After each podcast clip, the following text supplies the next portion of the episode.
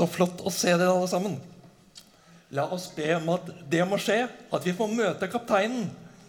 At vi får høre hva Jesus, hva Gud Fader, Den hellige ånd, vil si til akkurat deg og meg akkurat nå. Vi ber. Takk, himmelske Far, Herre Jesus Kristus, du Hellige Ånd. Du er her, og vi får være her sammen med deg. Du ser det er mye som preger tankene våre og dagene våre. Hjelp oss så det kan legges til side, så det kan bli du og meg. Du og oss. Gjør din gjerning iblant oss. Tal til meg, berør meg, berør oss, slik du ser vi trenger det. Amen.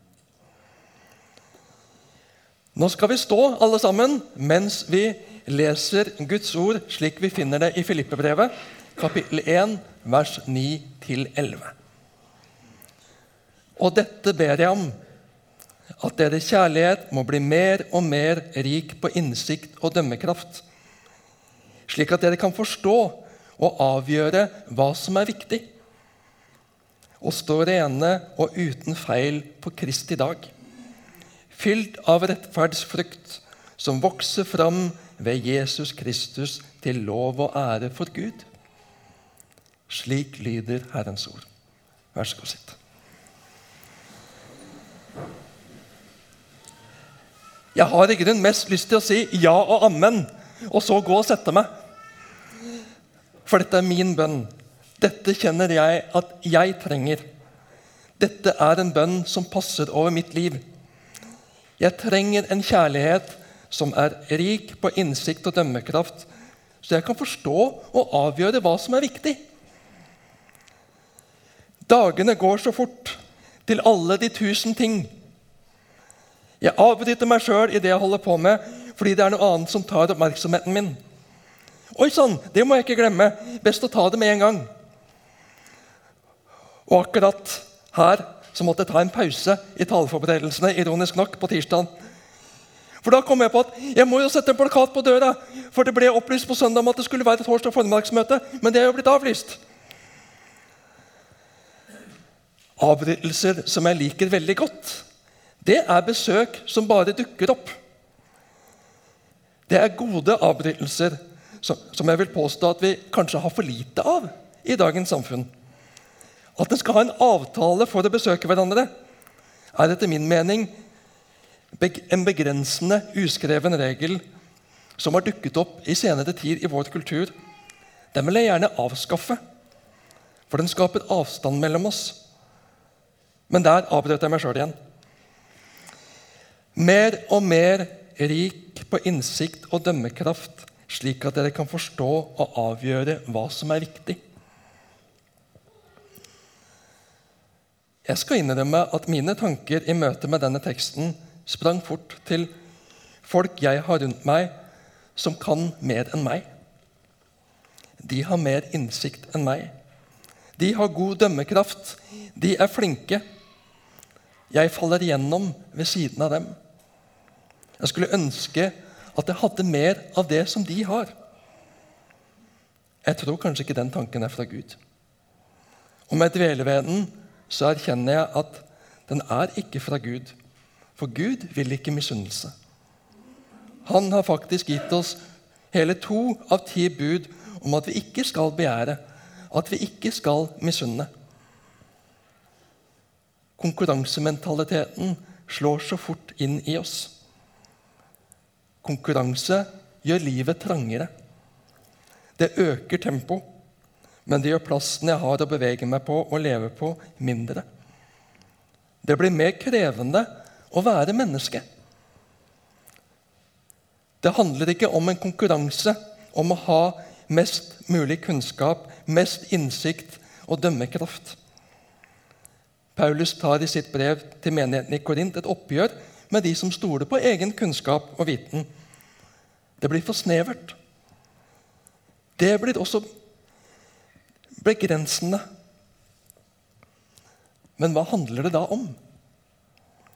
Og dette ber jeg om at deres kjærlighet må bli mer og mer rik på innsikt og dømmekraft, slik at dere kan forstå og avgjøre hva som er viktig, og stå rene og uten feil på Kristi dag. Hva er viktig for deg? Hva er viktig for meg? Jeg innser at det er et både krevende, avslørende, utfordrende og forløsende spørsmål for meg. Det er krevende fordi det i min hverdag og min tanke ofte er så mye som blir viktig. Så mange ting som skal ta plass. Jeg bør jo helst trene for å holde meg i form. Jeg må spise sunt. Selv om sjokolade, is eller kaffe er veldig godt i kaffen. Funker for så vidt uten kaffe også. ved nærmere ettertanke. Ja, det er sant. Vi skulle jo ha handla. Og jeg vil gjerne få lest den boka der, også den, også den. Jobben tar sine timer i løpet av døgnet. Sove må jeg jo. Barn skal følges hit og dit, hjelpes med lekser. Holde kontakten med foreldre, søsken og venner. Det er sant, Jeg skulle jo besøkt ham for lenge siden. Plenen skulle vært klippa, klesvasken hoper seg opp. Hybelkaninene har altfor gode kår. Tiden og dagene går. Alt må jo gjøres. Alt er jo viktig. Og så slår det inn i meg Jesu ord til Martha. Men ett er nødvendig. Hvor blir det av tiden til å lytte til Jesus? Å prioritere er en krevende øvelse. Og det er avslørende når jeg ikke klarer det. Det utfordrer meg og kan gi meg dårlig samvittighet. Og som kristne, velmenende søsken så kan vi bli kjempegode på å gi hverandre dårlig samvittighet ved å minne hverandre på alle kristelige byrder og fromhetsøvelser. Når noen snakker om det som de leste i Bibelen i morges, så får jeg dårlig samvittighet for at jeg leste ikke Bibelen i morges. Det ble ikke noe i går heller. Når de kommer ut fra bønnemøtet, idet jeg kommer inn døra, så stikker de i meg. Ja, men jeg skulle også vært litt tidligere ute og vært med på bønnemøtet. Når hun forteller begeistret om retriten hun har vært på, og han om den knallgode bibelundervisningen på mandag. Men jeg var ikke der, og jeg blir mer og mer mislykket i egne øyne som kristen. Vi skal absolutt dele og fortelle om det gode vi har fått fra Gud og mennesker. Men vi må for all del ikke bruke de gode tingene mot hverandre. Og vi må ikke la den onde forvri den andres gode møte med Gud til nederlag og mislykkethetsfølelse i meg fordi jeg ikke hadde det sånn, eller jeg var ikke der. For Gud ga oss ikke en ånd som gjør motløs. Vi fikk ånden som gir kraft, kjærlighet og visdom. Hva er viktig? Det er ikke å gå på tilstrekkelig antall gudstjenester og møter. Det er ikke å ha en til enhver tid et perfekt hjem, eller å kunne krysse av på tilstrekkelig antall leste kapitler i Bibelen men å være i Jesus. Så jeg blir med den dagen han henter sine hjem. Og dette ber jeg om, at deres kjærlighet må bli mer og mer rik på innsikt og dømmekraft, slik at dere kan forstå og avgjøre hva som er viktig, og stå rene og uten feil på Kristi dag, fylt av rettferdsfrukt som vokser fram ved Jesus Kristus til lov og ære for Gud. Filipperne og Paulus sto sammen i nåden. Nå ba han om at den kjærlighet han hadde fått del i og erfart fra Kristus, også måtte vokse og modnes i sine trossøsken i menigheten i Filippi, slik at de blir mer og mer rik på kunnskap og innsikt. Det er så viktig at kjærligheten er i bånn og på toppen og godt infiltrert innimellom. Vi kan fristes til å fylle oss med den rette lære, lese oss opp og bli bibelsprengte. Jeg har opplevd slagordet bibeltroskap bli brukt nesten som et balltre i hodet på andre. Kjærligheten var vanskelig å finne. Vi kan bruke kunnskap og innsikt på en måte så vi selv blir store og andre blir små. Om det er slik, så blir det kaldt mellom oss. Det blir avstand. Et slikt sted er det ikke godt å være.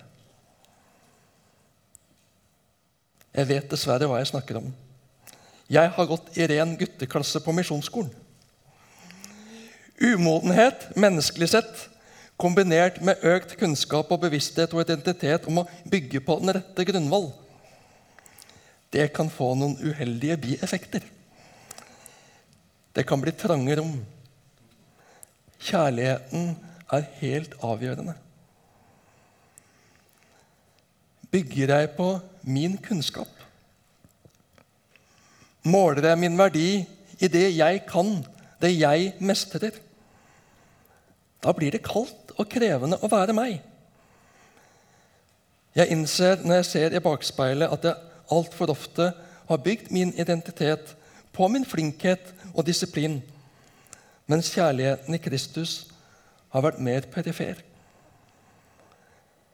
Et mer kunnskapsmessig, mer enn eksistensielt forhold til at jeg er jo en synder som alle andre, og jeg har heldigvis fått tatt imot Guds nåde i Jesus. Men identiteten og forankringen, hvor lå den? Jeg trenger stadig å omvende meg fra mitt eget og til Jesus. I surrender all. Jesus, Jesus, du alene. Takk, Far, for dine kjærlige armer. Du kommer springende mot meg i kjærlighet. Du har lengtet etter fellesskap med meg. Nå kommer jeg tilbake til deg. Jeg har brukt det du ga meg, på så dårlige måter. Jeg kan ikke bygge på det. Jeg kan ikke leve på det. Jeg er avhengig av deg. Jeg kommer tilbake til deg, far. Kan jeg bare få være hos deg? Min identitet er i deg. Et Guds barn av bare nåde. Ikke som en teori. Ikke som god teologi, først og fremst, men som min realitet. Hva jeg er, hva jeg ønsker å være, hva jeg er avhengig av, og som jeg også endelig kan få hvile i. Om jeg igjen skulle fristes til å speile meg i glansen av det jeg skulle lykkes med, om jeg igjen skulle fristes til å bygge på noe i meg selv, riv meg ut av det! Jeg vil være din. Bygge bare på deg. Det er du som holder. Og dette ber jeg om, at deres kjærlighet må bli mer og mer rik på innsikt og dømmekraft, slik at dere kan forstå og avgjøre hva som er viktig, og stå rene og uten feil på Kristi dag, fylt av rettferdsfrukt som vokser fram ved Jesus Kristus, til lov og ære for Gud. Kunnskap betyr her en form for kjennskap som forutsetter et personlig forhold. Det dreier seg om kunnskap og kjennskap til Gud. Det handler ikke om fagbrev eller bachelorgrad, heller ikke master- eller doktorgrad, men å kjenne Gud. Og å bli kjent med Gud blir vi ved å være sammen med ham. Bruke tid i lag med ham. Lytte til ham. Lære av ham gjennom ordet og bønnen. Far, vis meg mer av deg. Lær meg å kjenne dine veier, og la meg se meg selv slik du ser meg. Innsikt. Ordet som er brukt her, finnes bare på dette stedet i Det nye testamentet. Grekerne la en etisk forståelse i ordet, en forståelse som er basert på intellekt og erfaring. For Paulus så betyr det å kjenne en person. Jesus Kristus. Vi skal ikke la være å søke kunnskap. Vi skal ikke la være å utvikle ferdigheter. Men vår forankring og identitet skal ikke ligge i dem. Kunnskap kan gå ut på dato. Ferdigheter er ikke konstant. De utvikles og kan forfalle. Innsikt i hvem vi er, og hva livet er, i hva vi er ment å være, får vi gjennom å kjenne en person, Jesus Kristus. Jeg satt i innmeldingssamtale med et nytt medlem i Misjonshuset tidlig i uka. Og Hun snakket om det å spørre hverandre hva gjør Jesus i livet ditt for tiden? Jeg syns det var en spennende og god vinkling.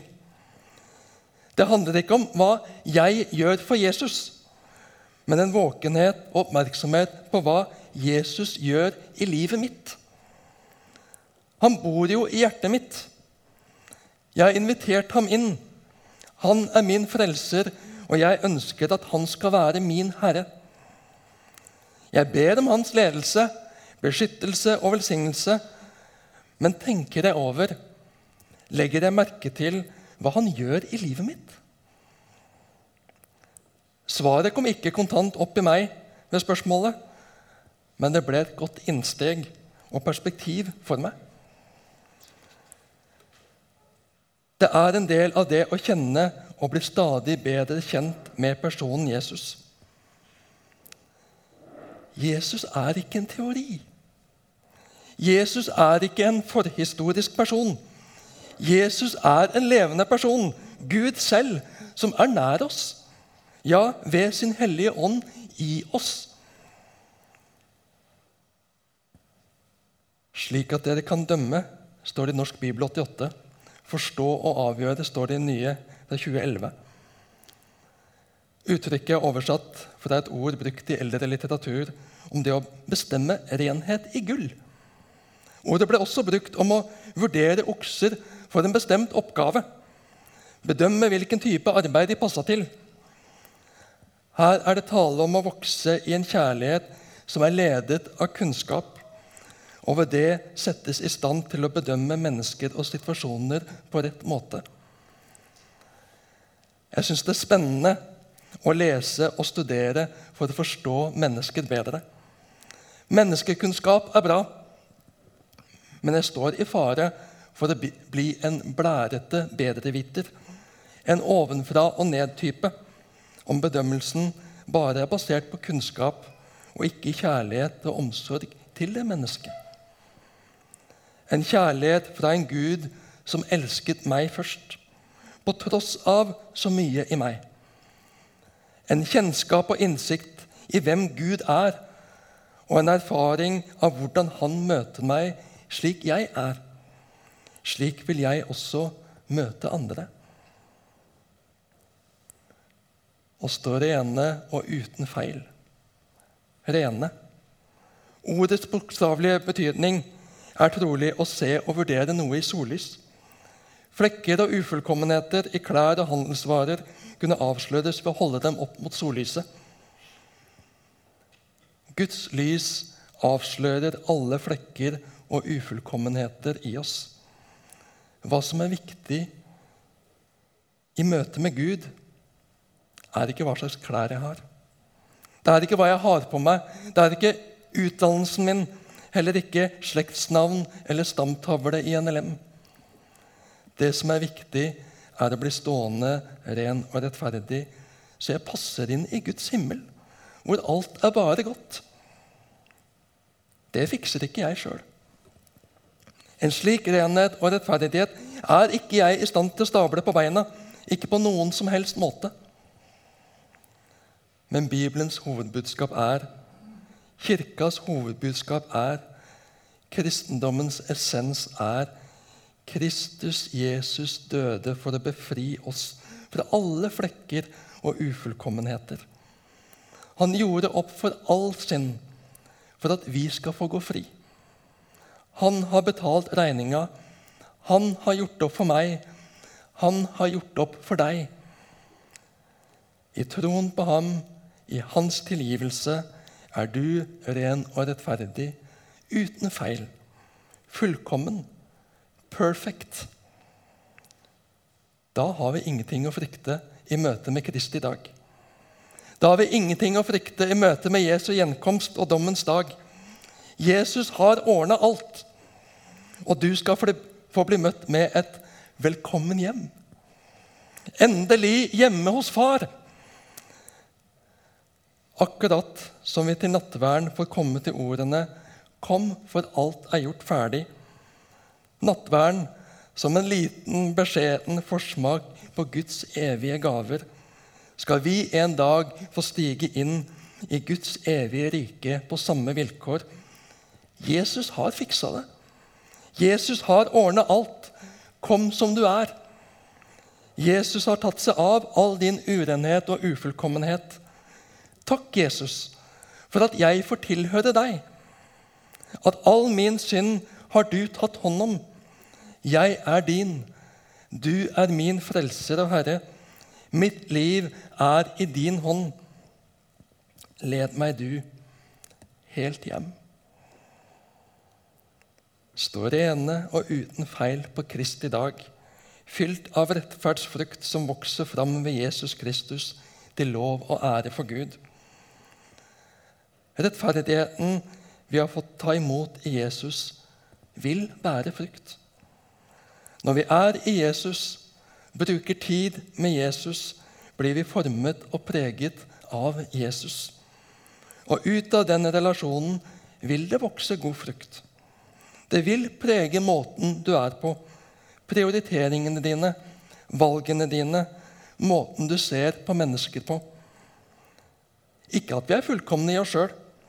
Ikke at vi slutter å være egoistiske og såre andre mennesker. Dessverre. Vi har det gamle i oss så lenge vi lever her på jord. Men Jesus har gjort opp for det. Han har sonet vår synd. Han har tatt dødsstraffen for din og min synd. Men jo mer vi lever nær Jesus, lytter til ham, lar oss forme av ham, så vil han få bære frukt gjennom deg. Ikke til din ære, men til hans ære. Det er ikke nødvendigvis du som skal se frukten i ditt liv. Da vil du lett fristes til å ta æren for den selv. Det er Jesu frukt i ditt liv til hans lov og ære. Amen.